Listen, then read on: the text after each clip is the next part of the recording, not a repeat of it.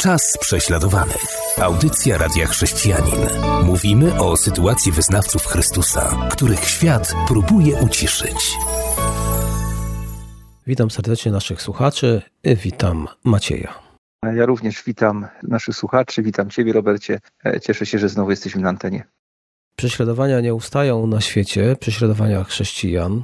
Dzisiaj chcemy porozmawiać o kraju, o którym jeszcze chyba nie było, czyli Syria. Tak, no niestety Syria w 2011 roku dołączyła do długiej listy krajów, w której są intensywne prześladowania chrześcijan. Wcześniej właśnie ten kraj Syria słynęła na Bliskim Wschodzie z tego, że jest tam względnie spokojnie, że wyznawcy różnych religii żyją we względnej zgodzie ze sobą. Oczywiście zdecydowaną większość, 90% mieszkańców stanowią muzułmanie. Chrześcijanie, czy też stanowili, no w sumie dalej stanowią, ale mówimy teraz o czasie przed wojną. Chrześcijanie wtedy stanowili niecałe 6,5%, to i tak dawało ponad milion 400 tysięcy osób. Populacja Syrii to było 22,5 miliona. I generalnie rzecz biorąc, jeśli chodzi o kwestie religijne, o kwestie prześladowań chrześcijan, no to było tam spokojnie. I niestety, podobnie jak w wielu innych krajach, doszło do ogromnej destabilizacji, przy czym no, w Syrii chyba jest gorzej niż w jakimkolwiek innym kraju w regionie. Może Jemen, Libia mogą z nią konkurować w tej niechlubnej statystyce. I gdy tak myślę o, o Syrii, to przychodzi mi na myśl werset słowa Pana Jezusa Chrystusa z Ewangeliana z rozdziału 10, wersetu 10, z rozdziału 10, wersetu 10. Złodziej przychodzi tylko po to, by kraść, zarzynać i niszczyć. I to, co widzimy w Syrii od ponad 10 lat, od wybuchu tam wojny domowej, to ewidentnie jest działanie tego złodzieja, tak Jezus nazwał diabła, szatana, który przyszedł do tego kraju tylko po to, by kraść, zarzynać i niszczyć. Tej wojnie domowej końca nie widać. Chrześcijanie są takimi cichymi ofiarami tej, tej wojny. Niewiele się już o tym mówi, a cierpienie tych ludzi wciąż trwa. No cóż, skutki wojny dla wszystkich są tragiczne. Szacuje się, że w wyniku tego konfliktu zginęło w Syrii od 500 do 600 tysięcy ludzi. 13 milionów 300 tysięcy zostało zmuszonych do opuszczenia swoich domów. To jest niemal dwie trzecie ludności. Z tego uchodźcami wewnętrznymi zostało 6 milionów 700 tysięcy, a zewnętrznymi, czyli musieli uciekać z kraju, 6 milionów 600 tysięcy.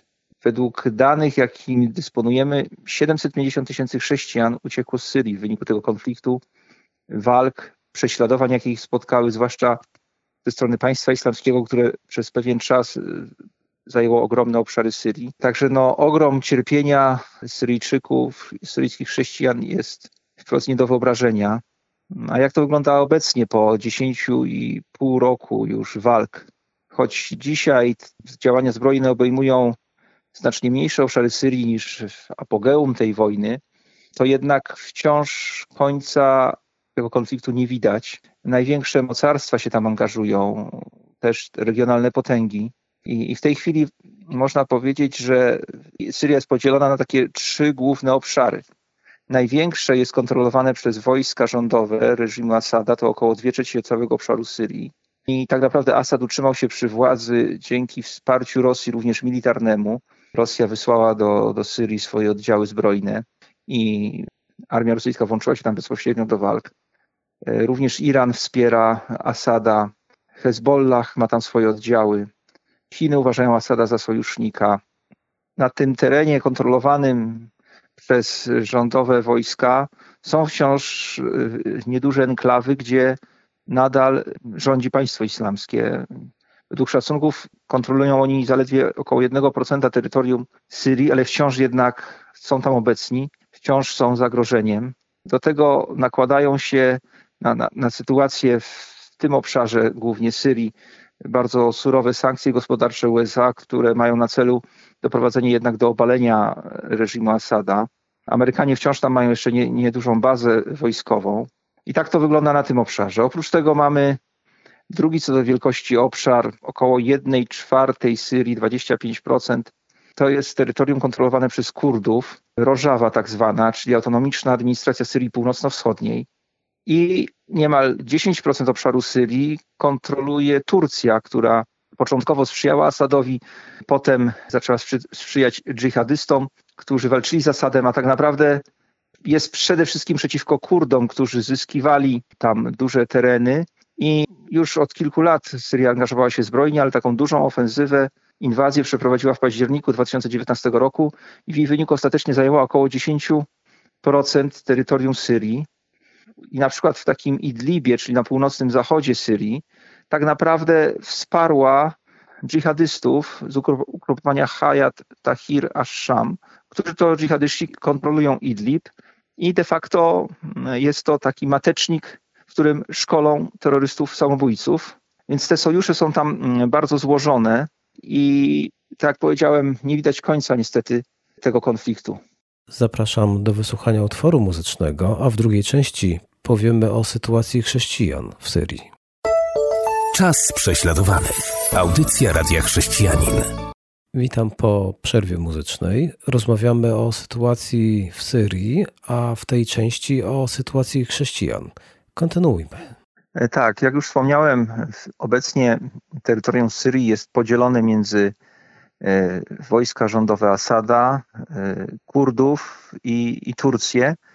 Niewielkie obszary kontroli jeszcze państwo islamskie. I sytuacja chrześcijan w każdym z tych regionów jest ciężka. Natomiast tam, gdzie dominują islamiści różnego pokroju, czy też na obszarach zajętych przez Turcję jest zdecydowanie najtrudniejsze, ale zacznijmy najpierw od ogólnego obrazu. Otóż w czasie trwającej już ponad 10 lat wojny domowej wielu chrześcijan uciekło z obawy o własne życie przed y, z Syrii, ale też wielu pozostało i głosiło Ewangelię. Wychodziło z miłością do swoich rodaków, muzułmanów, którzy również bardzo cierpieli w wyniku tej wojny. I dzięki działalności misyjno-charytatywnej chrześcijan nawróciło się wielu muzułmanów.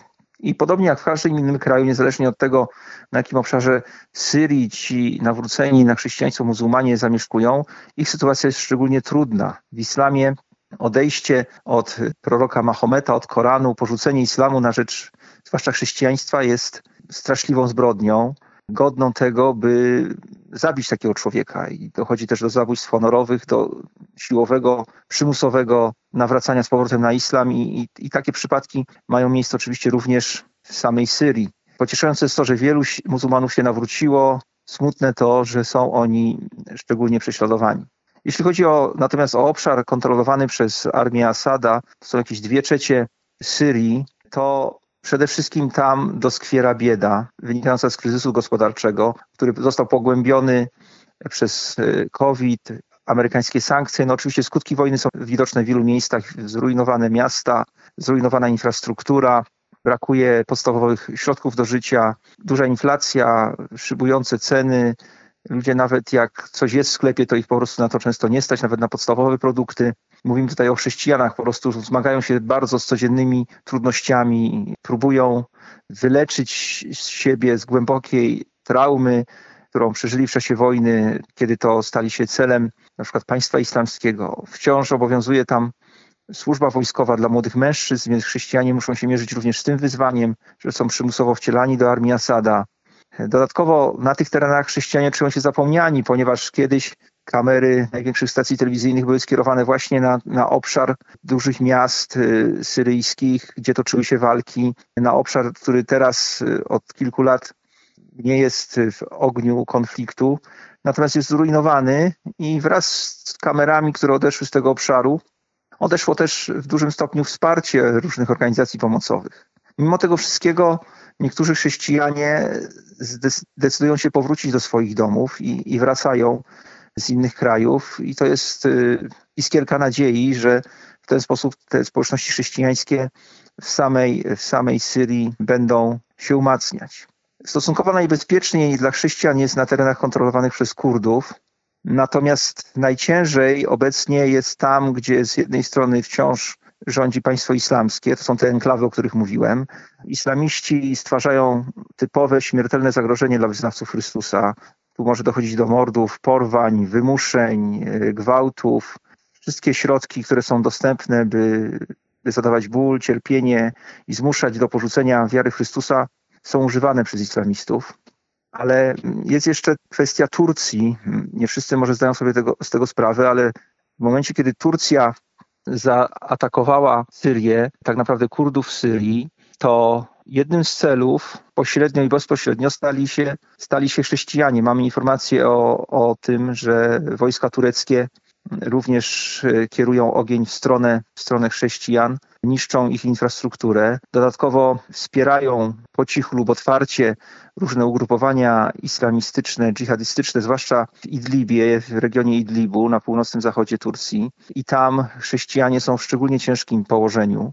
Tak naprawdę w niejednym przypadku inwazja wojsk tureckich odcięła chrześcijan na tych terenach, które Turcy zajęli, od pomocy, jaką oni wcześniej otrzymywali. Tak więc widzimy, że choć mamy tutaj dużą różnorodność e, i złożoną sytuację, to e, jeśli chodzi o samą pozycję chrześcijan, o kwestię prześladowań, to możemy mówić od, od sytuacji ciężkiej do ekstremalnie ciężkiej.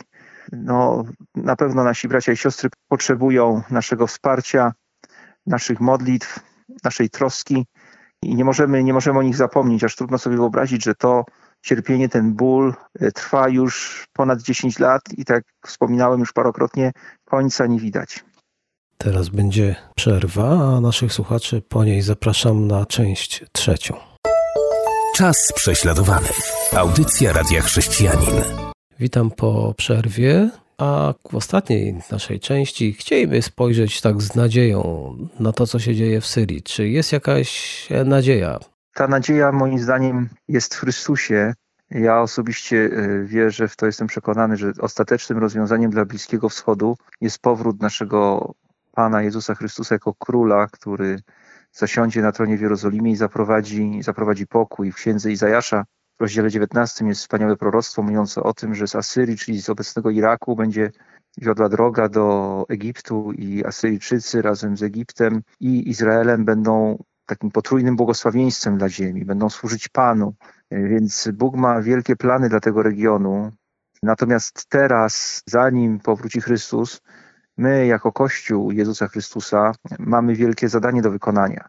Tak jak już wspominałem, chrześcijanie w Syrii są głęboko poranieni, umęczeni e, tą wojną. Podobnie właściwie cały ten naród i potrzebują, potrzebują Ewangelii, potrzebują naszego wsparcia.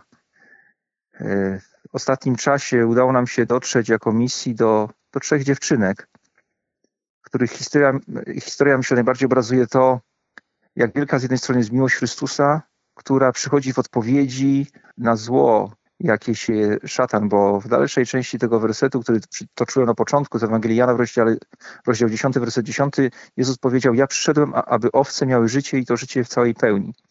Jakiś czas temu natrafiliśmy na, na trzy dziewczynki w Syrii, sieroty. W 2014 roku najmłodsza z nich była z rodzicami w domu i wtedy ich miasto zaatakowało państwo islamskie. I tata wyszedł z domu, żeby zobaczyć, co się dzieje.